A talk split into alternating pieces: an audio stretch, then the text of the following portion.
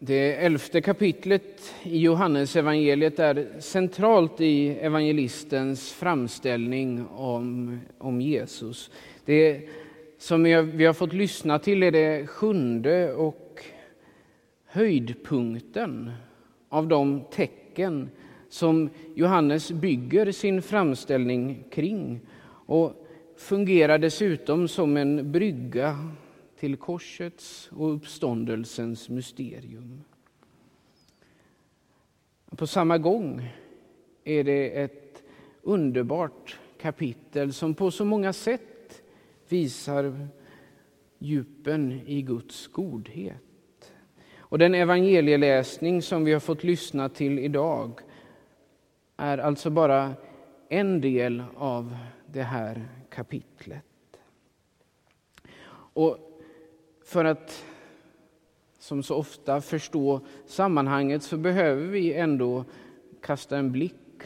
Jag tänker inte läsa de 27 föregående verserna, men vi får göra en liten summering av vad som har hänt innan. Ja, bakgrunden till det som sker är i början av läsningen när, när Marta kommer tillbaka hem och kallar på sin syster, den är att de systrarna har sänt bud till Jesus när deras bror Lazarus ligger sjuk. Och Johannes berättar att Jesus var mycket fäst vid de här tre syskonen men att Lazarus nu hade dött. Men att det också dröjde en tid innan Jesus kom till Betania, den stad strax utanför Jerusalem där syskonen bodde. Jesus säger vår vän Lazarus sover, men jag går dit för att väcka honom. En av de båda systrarna, Marta, kommer då ut för att möta honom medan den andra systern stannar kvar hemma. Och när de möts säger Marta, Herre, om du hade varit här så hade min bror inte dött. Men jag vet att Gud ska ge dig vad du än ber honom om. Jesus svarar henne, din bror kommer att uppstå. Marta svarade, jag vet att han ska uppstå vid uppståndelsen på den sista dagen. Då sade Jesus till henne, jag är uppståndelsen och livet. Den som tror på mig ska leva om han än dör, och den som lever och tror på mig skall aldrig någonsin dö. Tror du detta? Marta svarade, Ja, Herre, jag tror att du är Messias, Guds son, han som skulle komma hit till världen. Därefter gick Marta hem och kallade på sin syster och dagens evangelium tar vid. Men särskilt den här dialogen mellan Marta och Jesus kastar ljus över vad som händer senare i läsningen. När den andra systern då, Maria, kommer till Jesus så uttalar hon stundens besvikelse med precis samma ord som Marta. Det är intressant att notera det. Av två anledningar kanske. För det första att vi inte är så där alldeles ensamma i våra upplevelser som vi ibland kan tro det. Många har tidigare, många går igenom mycket snarlika saker som vi själva. Men framför allt visar båda de här systrarna på en uppriktighet i bönen. De använder ord som vi kanske inte normalt har i vårt böneliv. Herre, om du hade varit här så hade min bror inte dött. Det finns en anklagelse mot Jesus i de orden. Saltaren är kanske den bönbok som annars är det tydligaste exemplet på den här uppriktigheten i bönen. Och troligt att den också hade präglat systrarnas bön. Och det visar att bönen inte behöver vara from, men ärlig och sann. För det finns ingen annan bönbok som är så djupt allmänmänsklig och därmed sann som Saltaren. Ingen annanstans hittar vi böner som går så rakt på och som utan omsvep ställer Gud mot väggen. Som i Saltarens 83 psalm till exempel, där psalmisten säger Gud, var inte tyst, tig inte. Gud, var inte stum. Vem av oss vågar tala så till Herren? Saltaren glider och det är därför den genom åren, århundraden, årtusenden har varit så använd. Den glider inte förbi det som är alla tiders och alla människors, kanske framför allt vår egen tids och vår egen största svårighet inför bönen. Detta med Guds tystnad. Varför tiger du, Gud? Maria kommer alltså med samma förebråelser som sin syster men till skillnad från henne så får hon inget svar. Åtminstone inte på sin fråga eller sitt påstående, åtminstone inte med ord. Det svar Jesus ger henne är snarare en handling. Han ber att få se graven där de har lagt Lazarus och vid den faller han i gråt. Ja, även det noterar Johannes. Han noterar att systrarna använder samma ord. Han noterar att Jesus faller, vid gråt, faller i gråt. Och Det finns anledning att också stanna upp vid den lilla notisen. För i de tårarna sker en unik förändring av vad döden är. Ja, i meningen att i tårarna uppenbaras Kristi egen kamp med döden. När folket som var med där vid graven i Betania ser att Jesus gråter så säger några kunde inte han som öppnade ögonen på den blinde ha gjort så att Lazarus inte hade behövt dö? Vad ligger i denna fråga? Är det ett verkligt deltagande i de två systrarnas sorg och saknad? Är det en verklig längtan att Lazarus skulle fått vara kvar i livet som den han var och det han kunde bidra med?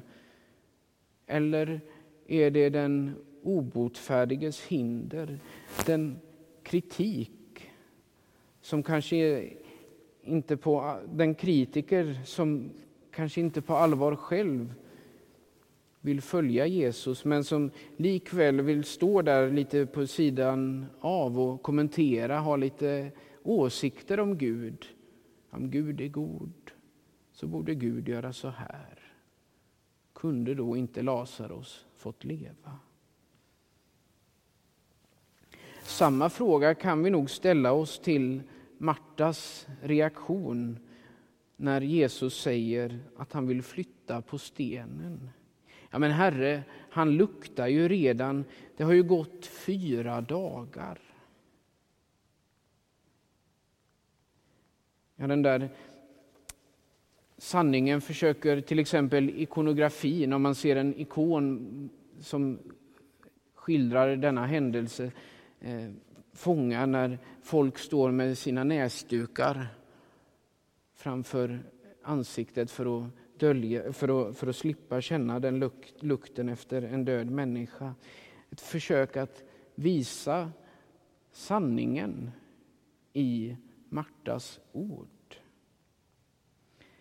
Men samtidigt så måste vi se att hon ganska snart efter sin dristiga trosbekännelse av Jesus som Messias, Guds son, sanningen och livet invänder mot detta att stenen ska tas bort.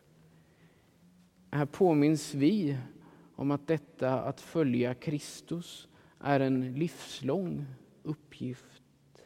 Ja, oavsett om vi har varit kristna större delen av vårt liv eller en kortare tid har vi att kämpa med att ständigt fördjupa vår tro på honom.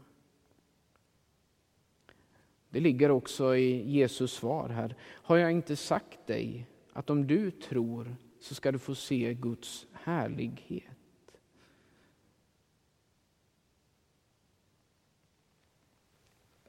Det är det som finns i de här tecknen och som Johannes, åtminstone i början eh, av sitt evangelium, berättar att det här var det första tecknet Jesus gjorde, det här var det andra tecknet Jesus gjorde. Och hela tiden med, med, med syftet att visa på sin härlighet. Också här, uppväckandet av Lazarus, även om Johannes någon sånt där i tredje eller fjärde tecknet eh, glömmer av den här uppräkningen och den här påminnelsen till oss så är uppväckandet av Lazarus ett exempel på Guds härlighet, på vem Jesus är. Och när Marta tvekar och tvivlar inför detta så får hon en mild men bestämd förmaning. Och Jesus lyfter blicken mot himlen och vittnar om sin enhet med Fadern. Han är ju Ordet, Faderns ord. Det ord som en gång skapat människan ur stoft och blåst in liv i henne.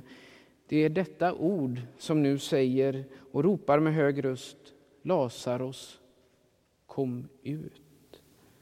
Ja, han kallar den döde och oss alla som hör hans röst tillbaka till livet. Ja, han uppväcker Lazarus för att vi ska tro att han är Faderns son, utsänd att befria oss från dödens förbannelse och kalla oss tillbaka till livet. Han kallar oss ur otrons mörker så att vi kan se ljuset från hans ansikte. Han kallar oss ut ur syndens, ur självupptagenhetens och klenmodets fängelse för att vidga våra hjärtan och föra oss ut på rymlig Lazarus kommer ut ur graven med bindlar och duk för ansiktet. Och många har spekulerat i vad det betyder. Han kommer ut med bindlar och duk för ansiktet. När Petrus kommer till den tomma graven på påskdagens morgon då noterar Johannes att linnebindlarna ligger kvar. Att huvudduken ligger avskilt, ihopvikt på huvudändan. Och det är väl en bild för att Lazarus väcktes tillbaka till det här livet. Han behövdes tas av dödens bojor i bemärkelse av bindlar och huvudduk. Men han skulle dö, så att säga, en gång till. Men när bindlarna och huvudduken ligger kvar efter Jesu uppståndelse så visar det att Lazarus, eller uppväckandet av Lazarus är en föraning om Kristi uppståndelse och vår uppståndelse. Och dukarna, ja, de som låg kvar i graven, de lägger vi på vårt altare som en påminnelse om att vårt möte är med den korsfäste och uppståndne Herre. Att det mötet vecka efter vecka är ett uttryck för vår tro att han är här och nu vår uppståndelse och vårt liv. Ära vare Fadern och Sonen och den helige Ande så som det var av begynnelsen, nu är och skall vara från evighet till evighet. Amen.